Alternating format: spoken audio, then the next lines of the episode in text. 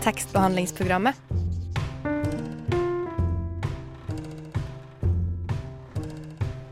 Tekstbehandling på radio.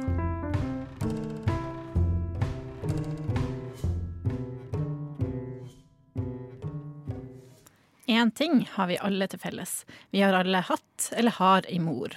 Her siterer jeg Peter Frøberg Idling, fritt etter hukommelsen.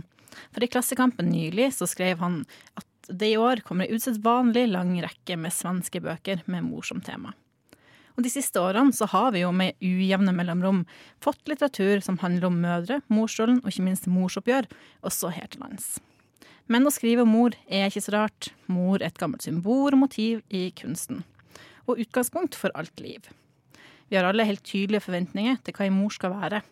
Og den neste timen så er det dette vi skal snakke om i tekstmeldingsprogrammet. Mor i samtidslitteraturen.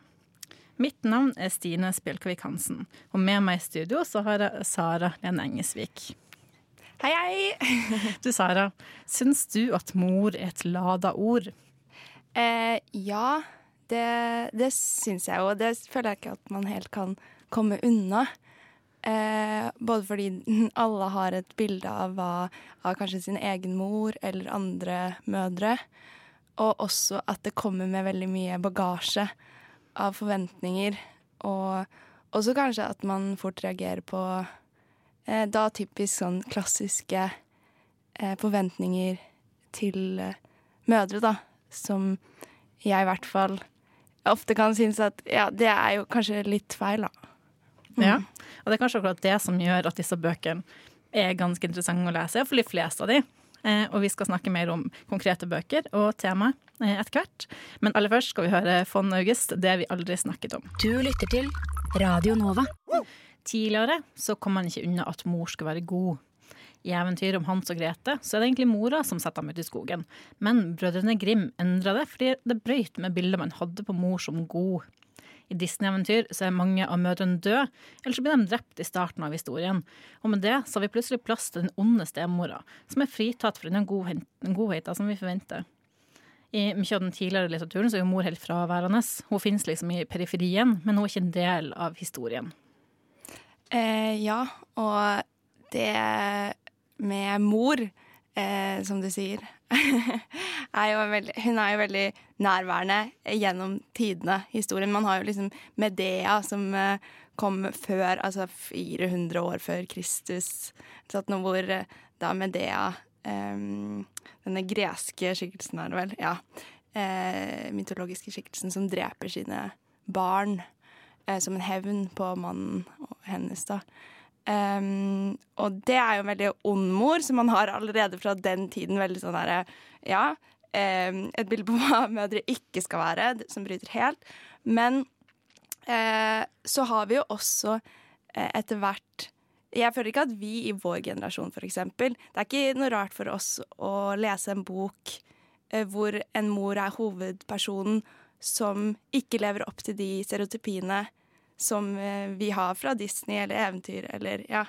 Hva tenker du? Ja, jeg tenker at det er jo nesten mer uvanlig at mor er god, da. Eller at mor lykkes. Jeg føler mor alltid på en måte strever etter å liksom nå det idealet, da. At det er liksom uoppnåelig. Uh, at liksom Ja, at hun alltid er liksom på, på, jakt etter å være bedre, da. Eller at hun, eller at hun ikke er det i det hele tatt. da. Ja. At hun mislykkes sånn at hun ikke er interessert i å være mor. Jeg føler liksom det er ofte liksom ytterpunktene. Mm. Um, I hvert fall når hun er en, en stor karakter, i alle fall. Ja, at det ofte så strekker hun ikke helt til. Uh, men jeg føler også igjen at det viser da at det, en god mor, det, det finnes på en måte ikke. Eh, så det er veldig lett å, ikke, å mislykkes i det prosjektet. Selv om jeg er enig i at ofte føler jeg at det kan være ytterpunkt, ja. At, men det er også kanskje da Burde det få oss til å tenke at å ja, er det kanskje mer skjebnen til mange mødre, da? Eh, at det er mange som ligger på det ytterpunktet. Mange som har sviktet, eller føler at de har sviktet, og som eh, at det er en veldig sånn eh, mod, en, moderlig følelse, eller en del av det å være mor. Eller far, men ja, der igjen er det jo ikke de samme forventningene. Nei, jeg føler at mye litteratur, iallfall i Norge, da, som er det vi fokuserer på i dag, at far og, liksom, far og sønn og sånn er liksom Det er mye av det, det har alltid vært det. Mens mora eh, ikke i samme grad har vært til stede. Eller at man liksom har fokusert på det, da. At man ikke syns at morskap eller morsrolle har vært liksom så viktig, eh, egentlig. Men sånn som nå, da, så har vi kanskje liksom eh, Vi skal snakke litt mer om de bølgene med liksom morsbøker senere. Men at nå har vi liksom den blivende mora, hun som liksom er gravid, eller, eller plan vil bli det, eller kanskje ikke vil bli det i det hele tatt. At det er liksom søken og venting, sånn som i, i Dyr av Heide Furre og Skomsvoll Barnet og Mikkel Bugge, da jeg er Du er ny, som vi også skal komme tilbake til. Ellers er det mora som har skuffa og ikke lykkes, som vi snakka om. Eh, som det er ganske mye av, eh, rett og slett. Eh, mora som slites, liksom må være en egen person og må være mor. At liksom ikke det er forenlig. Mm, mm. At uh, Ja, som vi også skal snakke litt mer om etterpå. Men uh, eh, at det er mange av eh, de, de Ja, mange bøker som da omhandler både av Vigdis Hjorth og han eh, Ørstavik, eh, hvor og flere, hvor det er på en måte det med karriere, karriere å balansere karriere og det å være mor som blir eh, litt tema, da. Og det føler jeg at henger Altså På 70-tallet, når på en måte synliggjøringsprosjektet begynte av liksom kvinner i historien og sånne ting, og at man fikk litt mer litteratur som plutselig skulle se det fra kvinnens perspektiv, eller sånn Hvordan er det kvinnen egentlig har det? eh, og samtidig, da, som at kvinner kom ut i arbeidslivet i økende grad. Eh, så jeg forbinder det litt med litt sånn der realisme, eh, på en måte, som stil. At det er noe litt sånn der uhyggelig, litt sånn der På en måte mm, Ikke uhyggelig, men litt sånn trist og sårt, eh, eh, hverdagslig, med den morsskikkelsen som jeg tenker på i norsk litteratur. Jeg er helt enig. Jeg føler ofte at det blir veldig liksom Ja, trist. At det er litt tungt og sårt. At det liksom ofte er liksom ekstra rørende og sånn. Sånn som Mørstavik, da. For eksempel i Kjærlighet. Det er jo ei mor som er på en måte fullstendig uinteressert i å være mor, og dermed veldig mislykka som mor. Og det er veldig lettlest kort bok, men det er de tyngste bøkene jeg noen gang har lest, fordi det er bare så fælt. Altså trist å tenke at ja, OK, det er fiksjon, men det er også fiksjon som ligger veldig nært ei eller annen virkelighet for ganske mange. Uh, så det synes jeg er skikkelig kjipt å lese, egentlig. Jeg kom liksom bare på ei mor som uh, sånn umiddelbart, da, som på en måte prøver, og som eh, som ønsker å være veldig god. da. Det er på en måte ei tungtidstale, da, Olaug Nilsen. Det er en mor da som står i kontrast da, til den som vi ofte møter eh, nå, tenker jeg. Eh, men uansett, da, så kommer det jo ofte ned, da, eller koker ned til at alt altså, Man påvirkes da i veldig stor grad av forholdet man har til mor, både liksom i litteraturen og i virkeligheten. Og dette har Alva eh, tatt en prat med Jonas Hartford eh, Sandquist om. De skal snakke om tilknytningspsykologi og morsoppgjør. Hva handler egentlig morsoppgjøret om? Hvorfor er dette aktuelt nå? Og hvordan kan litteraturen påvirke morsoppgjøret? Dette er spørsmål jeg spurte Jonas Hartford Sundquist, som har en master i sosialpsykologi, og som er redaksjonssjef for nettavisen psykologiske.no. Ja, det er Jonas. Hallo, snakker jeg med Jonas Hartford Sundquist? Det gjør det. Ja, å nydelig. Da lurer jeg egentlig litt på hva går egentlig et morsoppgjør ut på? Eller hva, hva handler det om? Vet du noe om det? Ja, altså det er jo eh, et ganske stort eh, tema, egentlig. Eh, og det er jo veldig mange forskjellige grunner til at folk kanskje tenker seg å gjøre et oppgjør med mor på en eller annen måte, da. Men eh, det som kanskje er en sånn overordnet fellesnevner da, i, eh, i morsoppgjør, er jo at mødre er jo eh, en relasjon vi har ganske store forventninger til hvordan, eh, hvordan det skal være. Eh, og det er veldig lett å føle seg litt rystet hvis eh, man ikke føler at eh, morsrelasjonen funker som den skal. Og så er det jo også en relasjon som har veldig stor betydning for uh, livene våre. I hvert fall fra et psykologisk perspektiv så er jo en av de mest uh, etablerte psykologiske teoriene i dag, eller på en veldig sterkt etablert teori, uh, kalles tilknytningspsykologi. Og i veldig korte trekk så sier jo den hva slags forhold vi har til De kaller det omsorgspersonene sine. da. I mange tilfeller er jo dette mor, mor og far. Hva slags forhold vi har til den tidlige livet, vil jo påvirke oss veldig, eh, som hvordan vi blir som personer. Og noen kan jo oppleve omsorgssvikt, f.eks., eller at, de ikke får det de trenger av pleie og kjærlighet fra moren sin. Og det kan jo føre til mye sinne og forakt, og føle at man har blitt uh, kanskje behandlet litt uh, urettferdig. Det kan jo være en veldig klar drivkraft. Da. Sinne er jo en veldig motiverende følelse, så da, man, uh, da er man veldig ofte sannsynligvis veldig motivert da, til å måte, ta hevn på mor på en eller annen måte, fordi man føler at uh, hun har liksom uh, forrådt oss litt, da, kanskje. Så det, det kan jo være én innfallsvinkel. Eller så kan det være at uh, man kanskje har hatt en god og trygg oppvekst med mor, men så har det skjedd et eller annet. da som har tatt fra mor omsorgsevnen. Kanskje, liksom, kanskje, hun har blitt kronisk syk, f.eks. når man var liksom, i tenårene. Og så har man mistet litt den relasjonen. Da. Eh, og, og, så savner man det. Og da er det kanskje sorg som motiverer til et morsoppgjør. Og at man kanskje måte, ønsker å finne igjen den liksom, omsorgspersonen man mistet litt på et eller annet punkt. Da. Så det kan også være motivasjon til at man har lyst til å gjøre et oppgjør med mor.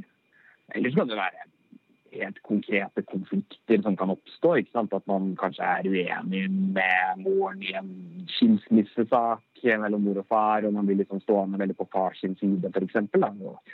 Så det, jo, det kan jo være mange grunner her, egentlig. Ja, supert. Kan jeg svarte på spørsmålet ditt? ja, definitivt. Det gjorde det. Det var veldig veldig bra svar. Og så tenker jeg, Er det et større krav til den morsrollen nå enn det har vært tidligere? Og kan det liksom være med å påvirke at det er så mange som driver et morsoppgjør nå i litteraturen? Mm, det er, eh, det er et godt spørsmål. Jeg vet ikke om vi nødvendigvis stiller noe større krav til mødre nå enn det vi gjorde før. Eller kanskje litt i den forstand at uh, det er jo på mange måter et sånn moderne ideal at uh, mor skal være en veldig sånn superhelikoptermor som på en måte uh, har alt veldig på stell og liksom har både en suveren karriere og klarer å hente alle barna på fotballtrening og lage middag og smøre matpakker og alt samtidig. Det, det er en slags forlengelse av det flink pike-idealet egentlig, som har vært veldig aktuelt den siste tiden. Da så kan det jo hende at man kanskje føler seg litt sånn sviktet om hvor ikke klarer å liksom, nå ut på alle områdene der. Så på én måte så, så, kan det jo hende da, at uh, vi, vi, har store forventninger til hvordan mødre skal opptre. Men samtidig så tenker jeg også at vi både liksom, kulturelt og tradisjonelt sett har litt forskjellige forventninger til mor og far om hva de skal ta med seg til familien. da. Så ofte så klandrer vi liksom har, hvis det er mer sånn praktiske ting i familien som er liksom dysfunksjonelt, som f.eks. Liksom at man er fattig, eller at det er alkoholisme eller vold i familien, så er det liksom, kanskje litt, litt mer typisk fars feil. Men hvis man føler at liksom, man kommer fra en liksom kald familie, hvor det er lite intimitet, det var lite omsorg, man fikk lite pleie som liten, liten, lite trøst og man slo seg og sånn, så er det litt mer feil, da.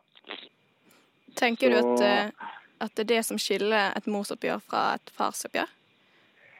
Ja, jeg tenker jo, eh, jeg tenker jo i alle fall at ja, at eh, hvis, man, hvis man føler seg litt sånn sviktet på det, da, hvis man føler at man kanskje ikke fikk nok kjærlighet og intimitet som liten, så kanskje vi liksom, litt mer sånn kulturell forståelse da, har en tendens til å kanskje flytte litt av det ansvaret mer på mor enn på far. Liksom. Fordi det er der vi, der vi tenker at vi skulle fått det behovet dekket til å begynne med. Da. Men jeg tror jo også at liksom, i moderne familier så har dette blitt mer jevnet ut. At mor og farsrollen begynner å skli litt mer over i hverandre, og mødre og fedre i en moderne familie i dag bringer kanskje mer av det samme. Eh, enn det man gjorde før. Men det kan jo også forklare hva som har motivert mange av disse forfatterne da, til, å skrive, eh, til å skrive disse bøkene som vi har sett komme denne høsten her. Ja. Tenker, tenker du at det, er, mm. at det, er, viktig, eller at det er liksom nødvendig å ta et oppgjør med barndommen? Ja, Det er jo eh, helt klart noe forløsende ved det, på sett og vis.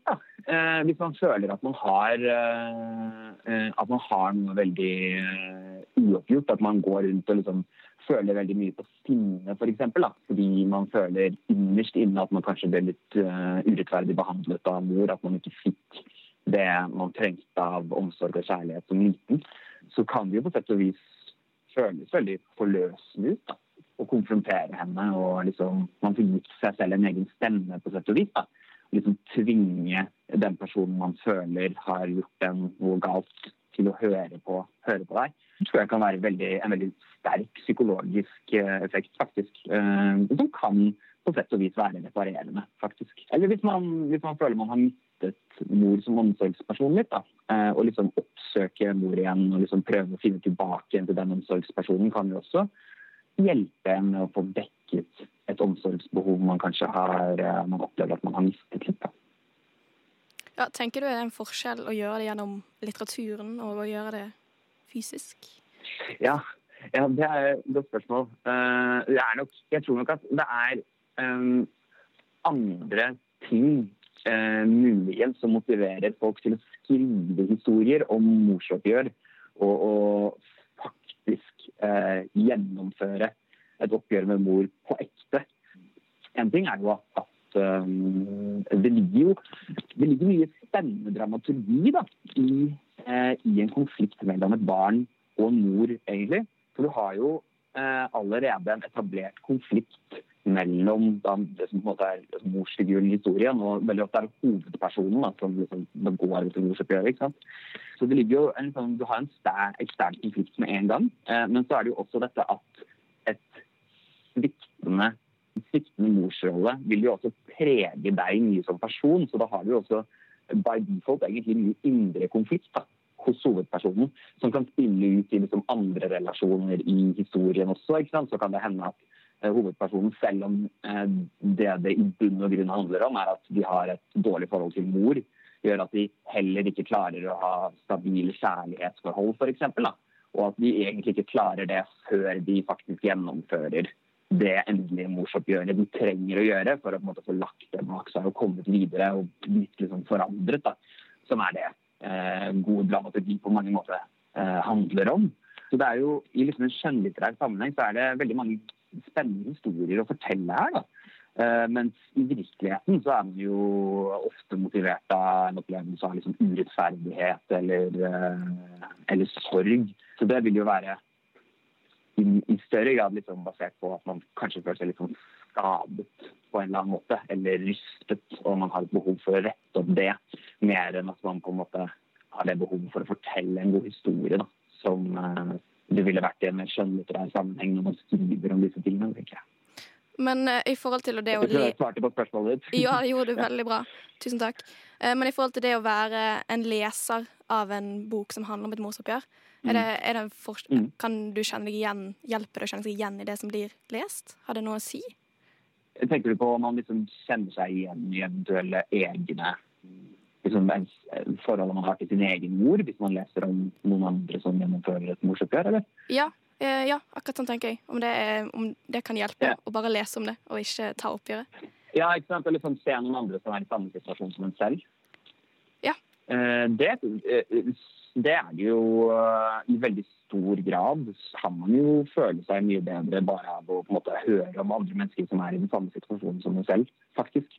Jo, man hører jo veldig ofte om eh, folk som har hatt liksom, vanskelige perioder, og så eh, oppdager de liksom en eller annen De leser en eller annen bok, eller de hører musikk eller et eller annet sånt. på en måte eh, Forteller dem at andre folk også har hatt det sånn. Og det er egentlig veldig pleiende. da. Så det, det gjelder jo eh, ikke egentlig bare for morsoppgjør, men liksom for liksom alle vanskelige ting man kan være i, det veldig, kan det være veldig pleiende og psykologisk godt å, høre om andre i, eh, som er i den samme situasjonen som en selv. Så det tror jeg absolutt. Også, altså, at uh, andre mennesker som har hatt vanskelige forhold til mødrene sine, kan få det bedre av å lese historier om, um, om morsoppgjør, faktisk. Har du sjøl lest noen bøker som handler om morsoppgjør? Jeg leste nylig den eh, debutromanen til Bruno Jovanovic. Den 'Etter hvert vil øynene vende seg til mørket'. den er jo i stor grad kanskje ikke så mye et morsoppgjør som mer på en måte bare at mor har gått over til å bli et stort problem. Og så er det liksom hvordan, hvordan løser man det, dette problemet som er mor, da. Eh, I stedet for å måte prøve å fikse relasjonen igjen. Sånn som kanskje mange andre morsoppgjør eh, ofte er. er jo at man liksom kanskje har lyst til å liksom finne tilbake til mor som omsorgsperson. Da. Men det følte jeg ikke nødvendigvis at var målet med den romanen. Men eh, en interessant eh, liksom, parallellhistorie oppdaget i den romanen, var at den handlet jo egentlig like mye om hovedpersonens forhold til kjæresten sin, Philip. Og da var det jo egentlig Det var jo ganske åpenbart, syns jeg i alle fall, at uh, han, har, uh, han har jo liksom et sviktende forhold til Philip på samme måte som han har et sviktende forhold til moren sin. Så der ser vi jo definitivt igjen det med at uh, hva slags forhold de har til liksom, omsorgspersonene våre, preger hva slags forhold vi klarer å få med andre folk senere. Da. I stor grad så er det mye forskning som tyder på at det stemmer. Ja, supert. Tusen, tusen takk for mm. uh, veldig gode ja. svar. Det var akkurat det jeg håpte på. Jeg har egentlig sagt det, men jeg kan si det en gang til. Radio Nova. Radio Nova. På, på, DAB og nettradio. På radionova.no. jeg har egentlig sagt det, men jeg kan si det en gang til. Radio Nova. I samtalen som Alva hadde med Hartford Sandquist her i stad, så snakka han jo om hvordan forholdet til mor også påvirker andre relasjoner, og hvilke motiver som kan være drivende når det tas, opp, når det tas et oppgjør med mødre i litteraturen. Eh, og dette leste jo vi også om, Sara, i Sandra Lillebøs roman 'Tingenes tilstand'. Eh, vi har lest den begge den siste uka, men vi har ikke snakket om den eh, før nå. Spennende. Ja. Jeg er veldig spent på å snakke om denne boka. Ja, hva syns du? eh, jeg er faktisk, på starten, så sleit jeg skikkelig med å like boka. Eh, jeg var sånn her OK, hvordan, hvordan skal jeg sy liksom klare å på en måte tenke Hvordan skal jeg gjøre den interessant? Fordi jeg bare kjente at um, ja, jeg kjente at jeg skjønner ikke hvorfor jeg Den er, for, den er jo veldig selvbiografisk. Eller sånn, det er en roman, men man får veldig inntrykk av at det her handler om forfatteren. Ja, og det har hun jo også sagt, og det fikk hun jo kritikk for eh, i eh, Morgenbladet Nei, jo, Morgenbladet var det vel. Eh, ble jo kritisert for at hele lanseringa handler om at dette er Sandra Lillebø og Sandra Lillebøs mor. Eh, Syns du det var plagsomt? Eh, ja, altså jeg hadde bestemt meg for å ikke lese noen av måte, kritikken og sånne ting før jeg leste den. Eh, men så, ja, så, kjente jeg på det at uh, hvorfor skal jeg bry meg om denne personen? Hvorfor skal jeg lese om livet, dykke ned i denne personen sitt liv? Um, og for Man føler seg litt sånn skikker eller sånn, litt sånn tabloid. Jeg vil vite hva, hva er problemet hennes med moren. Um, og så uh, kom det jo litt uh, en, Så leste jeg videre, og da begynte jeg å liksom etter hvert Så følte jeg at man fikk vite litt mer om på en måte motivet, motivene hennes, eller sånn følelsene hennes, fordi den er sånn på, det er veldig mange påstander i boka, liksom. Hun hun syns moren sin er sånn og sånn, og ikke eh, snill eller har gjort noe feil, og ikke så mye plass for han. Men etter hvert så syns jeg det løsnet litt opp, og jeg satt igjen med å være litt sånn OK, jeg vet faktisk ikke om jeg helt hva jeg syns, om den var så dårlig allikevel. Hva med deg? Ja, nei, altså Den er jo veldig sånn fragmentarisk, det man sier. At den er liksom delt opp i Det er mange korte deler da, som ikke nødvendigvis henger sammen. Og så er det liksom litt parallelle historier. Og forfatter, eller altså jeg person, da, som da er forfatteren, da, kommenterer på en måte skrivinga veldig mye. Hun skriver veldig mye om at dette må jeg skrive, og jeg må skrive sant. og jeg må liksom, Teksten skal være sann, dette er sannheten, og hvordan skal jeg skrive, og jeg må skrive dette. Jeg må skrive dette for å kunne leve, og liksom Så jeg syns liksom både det var interessant, og at det blir litt sånn Ikke plagsomt, da, men at man blir veldig bevisst på en måte på teksten, da. Og det er jo en roman, og det Ja, så jeg er også litt delt, men jeg likte den jo. Og jeg, jeg syns det var veldig trist, som vi snakka litt om i stad, å lese om liksom mødre som mislykkes. Fordi det føles liksom som virkelig. Akkurat her så skal det jo liksom være sant, da. Det er lille Bøs sannhet, da. Men eh, det har liksom ikke noe å si, da, fordi mislykkes du som mor, så mislykkes du på en måte da som person også, fordi å være mor er på en måte så viktig, da, hvis du er det, eh, ja. på en måte.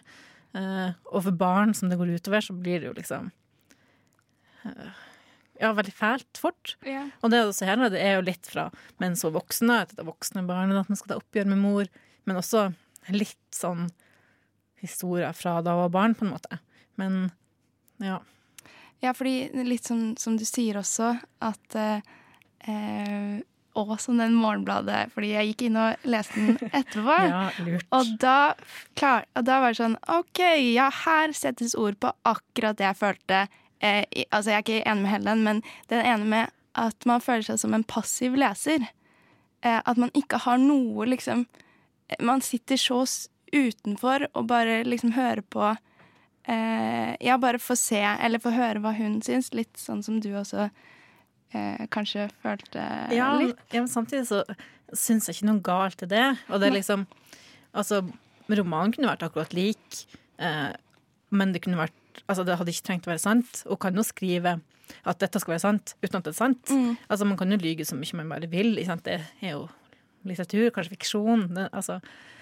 Men man blir veldig obs på teksten da, når hun hele tida skriver. 'Dette må jeg skrive. Hvordan skal jeg skrive dette?' Hele tida kommentere teksten. da. Mm. Um, Eh, men ja, jeg syns også det var en litt sånn forløsende ting å tenke at sånn, dette er en roman. Um, for jeg klagde litt over den til noen jeg Oi. kjenner, og så, var, og så sa de sånn Men du må tenke på at det er en roman.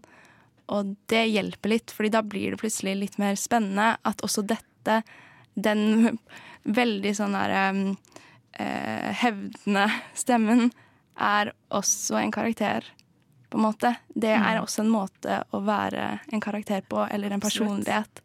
Og hun nevner jo også et eller annet sted i den at em, Et eller annet med empati, at liksom litt mangel på empati. Liksom, hele tiden hører den stemmen som 'hva med meg?' Ja, og det syns jeg var liksom, Da faller litt brikkene på plass. Ja. Ja. så det handler jo da om, om Sandra Lillebø som Hun er mor, hun har to barn, hun er gift, hun har, men hun har, liksom, hun har en syk mor, da, som hun har fjerna seg ganske mye fra. Og så handler det da om forholdet deres og forhold, forholdet hun har til søsknene også, da, delvis, da, som ikke er så mye med i starten.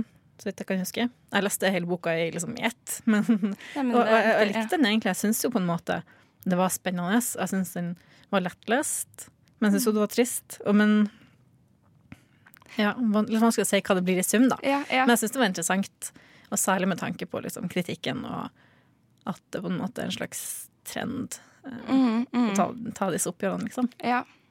Um, men ja, jeg syns også noen av de Eller ja, litt som han eh, eh, Hartford eh, Sandquist. Sandquist sa, at eh, det er jo utrolig tydelig oppgjør, i hvert fall.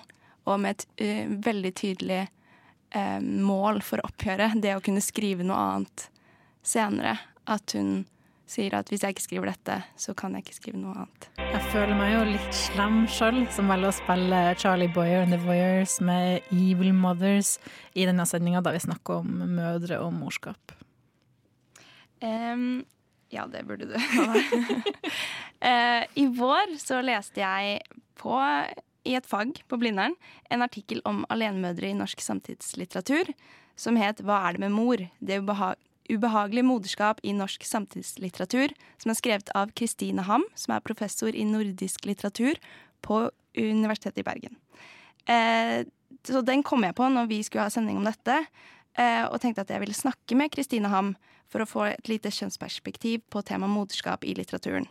Og bare kort, hennes artikkel den er skrevet i 2013, og der får man Hun fokuserer på noen romaner fra 90- til 2000-tallet som har, altså handler om alenemødre.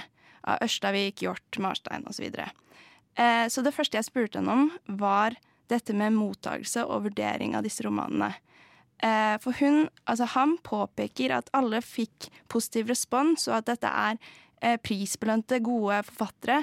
Men allikevel så hevder han at i kritikken, altså responsen til disse bøkene, så nevnes ikke alenemorsproblematikken. Og så sier han at jeg tolker det slik at moderskap ikke regnes som et interessant emne for samtidslitteraturen, og at det trolig henger sammen med at emnet moderskap assosieres til estetisk lavstatus. Og nå skal vi høre Kristine Hams utdypelse av dette og forklaring. Nei, altså For det ene så er det jo det at um, man veldig lenge i litteraturvitenskap, men i det hele tatt i estetiske fag, har tenkt at det som er bra, det er det som på en måte er allmenninteressant, det som når det universelle. Og Det går jo gjerne tilbake til, ja, til Kants estetikk. sant? At du skal på en måte ikke være privat, og du skal ikke være eh, opptatt av ditt eget og det partielle. Og det kvinnelige er gjerne det som da hører til det, som ikke er allmennmenneskelig, som ikke er universell. Dette har jo også da Simone de Beauvoir bl.a. kritisert. altså at eh, på en måte fordi kvinner ikke er hører til det universelle, så faller de utenom mange av disse gode vurderingene uh, i kunsten generelt. Men når det gjelder da moderskapsromaner, så er det jo det at jeg tror at mange i uh, begynnelsen da, av 2000-tallet og fram til ca. 2010 uh, de som skrev da om mødre, de, mente, altså de traff da på en måte dette problemet at fordi de skrev om mødre, fordi det var en kvinneproblematikk, så ble ikke deres romaner eh, akseptert som allmenn interessante på den samme måten som noen av mannlige eh, såkalt mannlige tematikker da blir akseptert som det. Og da har man da også eh, knyttet dette altså For det første er det dette prinsipielle, som går tilbake til de store estetikkene eh, til Kant og, og, ja, og, disse her. Men på den andre siden så er det også det at i litteraturvitenskapen så har man jo f.eks. nedvurdert eh, sånne sjanger som melodrama.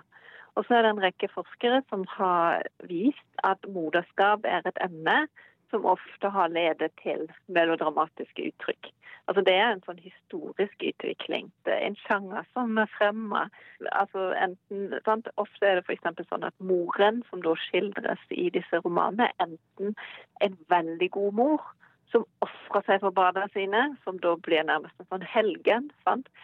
Um, eller er hun en ond mor, altså en mor som undertrykker, som f.eks. hovedpersonen må frigjøre seg fra. Og på 1800-tallet, altså særlig sånn, da var det, altså Du kan si f.eks. Amalie Skrams Petra-skikkelse i avkom er en sånn typisk eh, ond mor. Nå er jo ikke det en sånn veldig melodramatisk roman, men den type morsskikkelser har jo ofte ledet til melodramatiske uttrykk i film og eh, senere da, og i, ja, i, i romaner.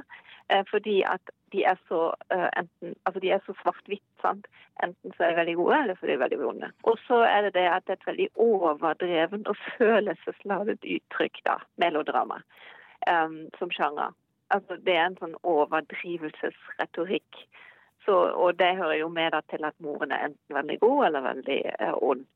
Um, og, da, og da man, dette, dette er jo sånne type sjanger som nå har blitt nedvurdert. Sånn at den, det klisteret, det melodramatiske klisteret til framstilling av mødre, den har på en måte vært uh, en sånn grunn til at moderskap er en problematikk som ofte har blitt liksom sett på som noe dumt. da, og altså som, som, som negativ og som estetisk mindreverdig i, uh, i kunsten. Eh, og da tenker jeg at det interessante, sånn som jeg diskuterte det i den artikkelen fra 2013, det er jo da at man, man, mange kritikere prøver å se disse moderskapsromanene da, som, av Hanne Ørstavik osv. som noe som er bra. Men de nevner ikke moderskap som tematikk. Altså, de sier at dette er veldig gode romaner, og nevner den minimalistiske skrivemåten og stilen osv. Men de unngår å diskutere moderskap inngående. Og Det syns jeg var veldig interessant den gangen. Um, ja, og til uh, vår store glede så hadde også Kristine Ham noe å si om barselbølgen i, ja, litterat, den litterære barselbølgen i 2018. Og hvordan det hun skrev om i 2013 kanskje hadde endret seg. Hvordan litteratur med tema moderskap nå blir mottatt og overses fortsatt tema, eller har det oppstått nye problemer? Nå jobber jeg jo også med noen romaner som kom i 2018. Ja. Eh, jeg vet ikke om du har fulgt med i den debatten som kom i avisene. Det var jo en eh, Jeg tror det var i Aftenposten at det var en som ble veldig irritert og kalte det Altså det var en boom da av romaner som diskuterte særlig um, um, fødselsromaner, barselsromaner. Ja. Og, og da ble det jo kalt for en sånn tsunami av brystmelk og sånn. Og jeg syns jo det var kjempeinteressant å sammenligne mottakelsen av roman, altså de romanene som kom i 2018-2019, med romanene som jeg undersøkte den gang i 2013. For nå i 2018 så har det jo alt snudd på hodet. sant? For da, da var det plutselig sånn at moderskap ble sett. Men man reagerte på det. Og det interessante også var at det var mange, kritikere som mente at romanene var så utrolig like. Altså at uh, f.eks. han um, Ruset, men jeg tror også Frode Henrik Pedersen, de mente at romanene var enormt like i stilen og tilnærming til problematikken. Og det, det provoserte jo meg og tenkte at kan dette stemme? Og så så jeg nærmere på de bøkene som da ble omtalt.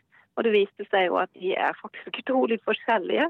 Altså stilen og, og også komposisjonen og alt dette her er veldig ulikt. Så det stemmer ikke. Så jeg, jeg vet ikke helt hvordan jeg skal tolke det, men altså det er fortsatt en estetisk nedvurdering av disse moderskapsromanene. Nå nevnes moderskap, men man prøver å ikke se at de faktisk er estetisk sett interessante.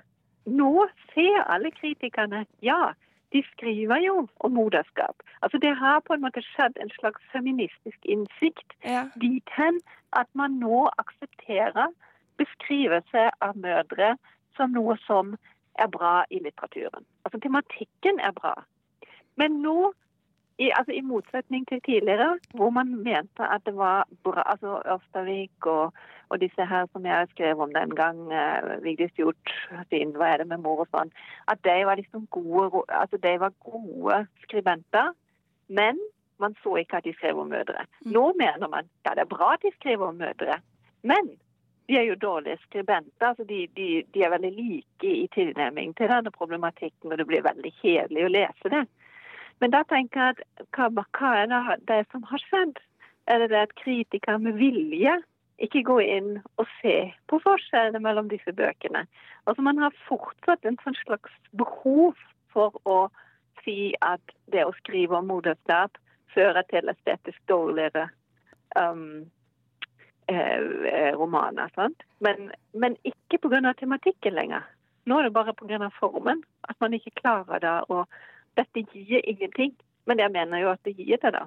Altså Hvis jeg, hvis jeg skal nevne noen eksempler, eh, som eksempel um, 'Rase' av Monica Isakstuen kom i 2018.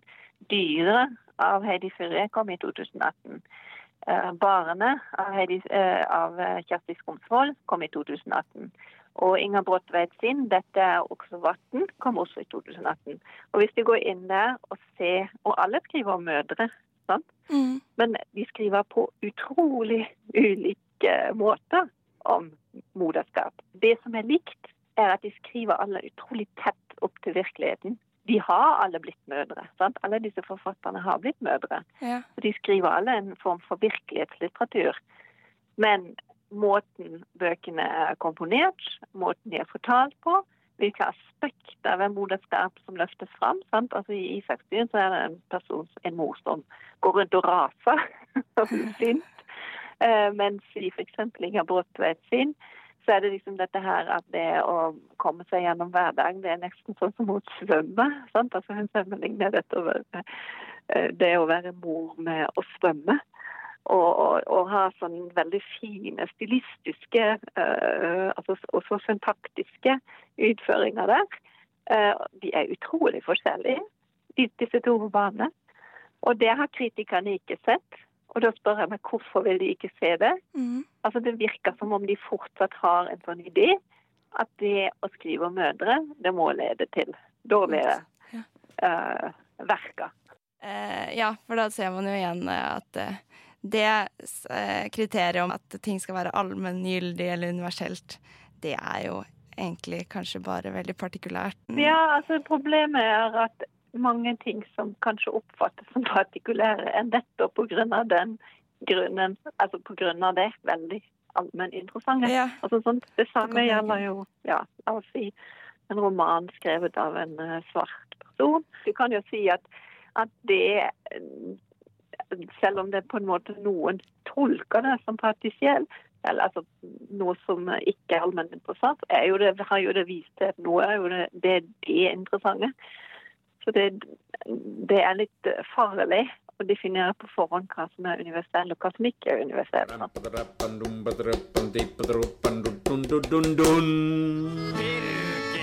Her taler Emma Numminen i Finland och det hörs också i Radio Nova.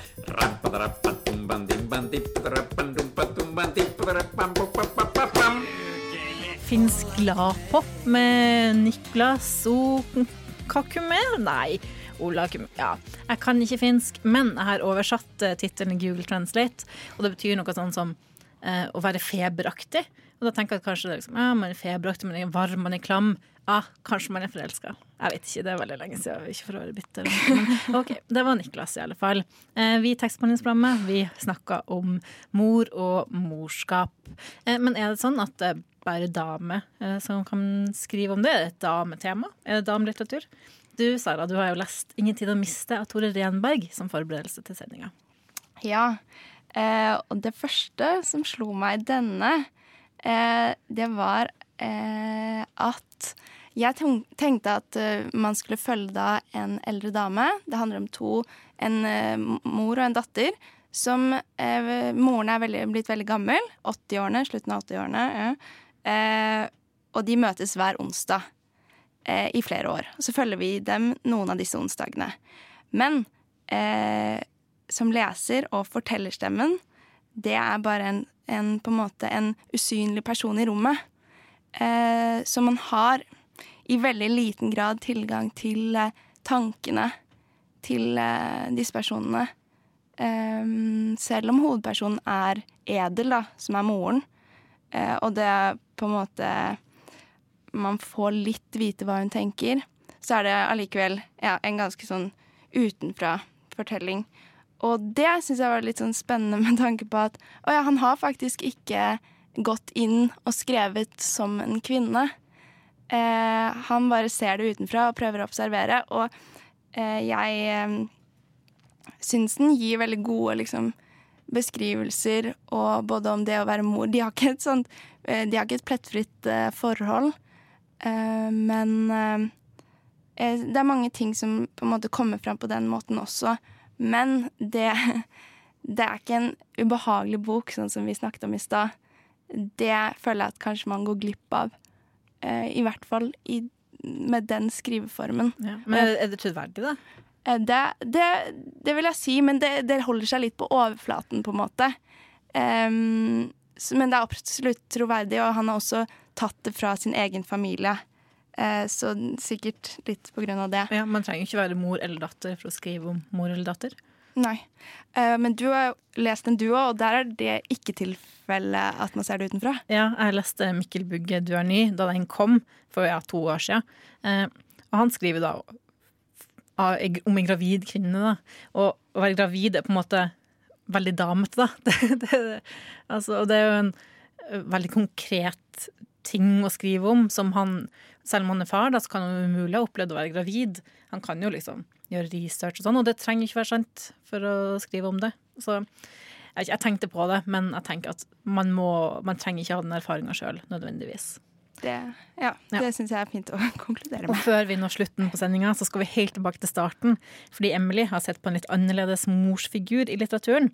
Har mimra litt tilbake til bøker som hun lest med denne rolla, som både fremstiller moderen på gode måter og dårlige måter.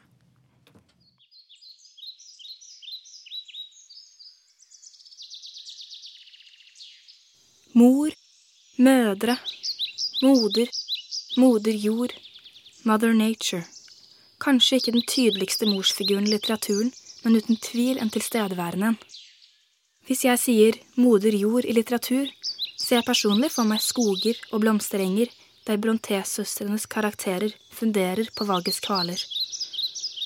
Jeg ser for meg Walden, Henry David Thoreaus karakter fra boken med samme navn, som bor alene i skogen og kontemplerer på sin sjel i samsvar med naturen. I litteraturen skaper skildringer av natur, vær, årstider og dyreliv en stemning som man ikke kunne vært foruten.